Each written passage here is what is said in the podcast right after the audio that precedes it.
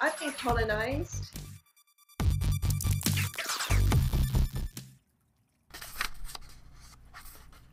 I find it surprising how different a culture can be that's right next door. know. So the name I have on my birth certificate is is Marie Geraldine, and then their names are on there too. Uh, so my mother's name surname was Camoens, and my father's surname was Lamb. Um, but like you said, I don't know. Did my mother name me, or was it the nuns? You know, I don't, I don't know. Was I was I with my mother for any time at all, or was more traditionally what seemed to happen at that time you were taken from the mother immediately? It was kind of discouraged that she spend any time with you. So, but I don't know. Born in a home for unmarried mothers. That's that was you know how it was always explained to me. And you know when you're a child you don't question that too much. Obviously now I'm an I'm a serious feminist, and you know that that holds no water for me anymore. Obviously, you know it's true, but now I question why does that mean I couldn't have stayed with my mother? You know, um, and I worry about the shaming that the Catholic Church might have been playing a role in at that time as well. Um, so yeah, I was born there. I was two months old when I was adopted by a couple who were um, they couldn't have children.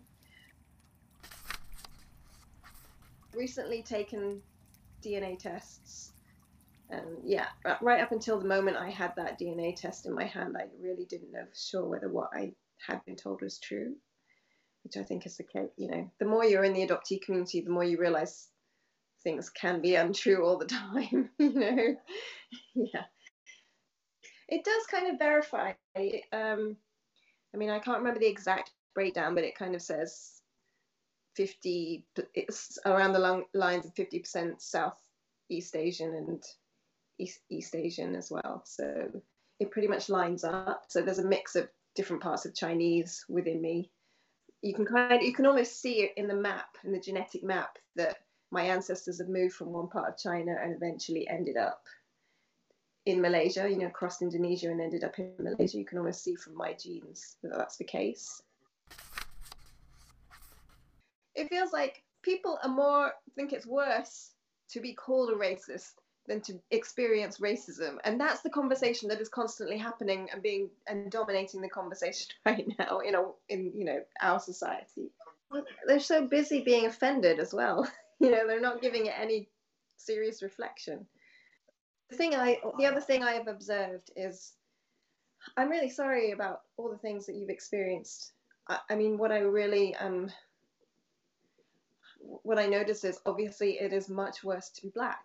You know, what I experience is much more discreet, much more like microaggressions when it comes to racism, and it's the not knowing sometimes whether something has to do with racism or not. So Yeah, yeah, exactly. Always, always, we're the exception, always, to the people who love us. And they seem oblivious to the fact that there are a bunch of people who we're strangers to, and we're the problem. yeah.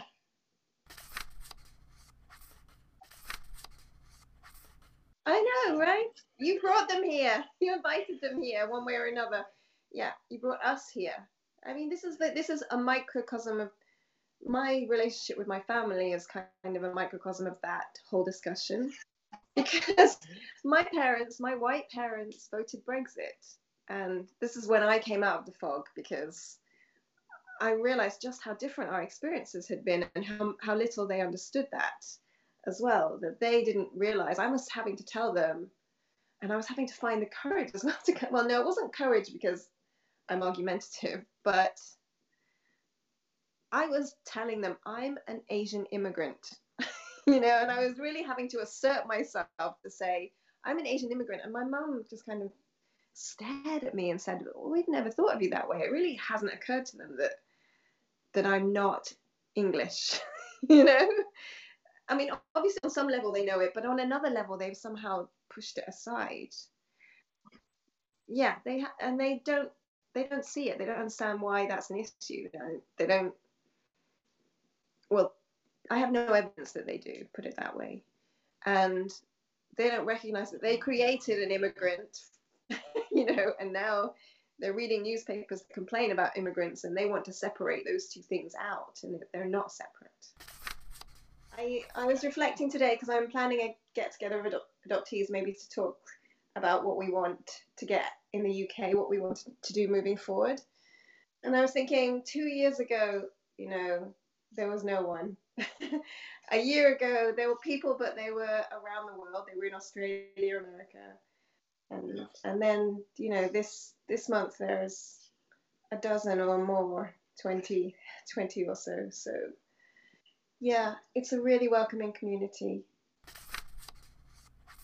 Grow up white. I do think that we internalize some of the racism, and we have to when we wake up to it, we have to really consider okay, what what's real and what's not real. I the only role models, Indian role models I've seen in my society growing up have been people running the corner shops.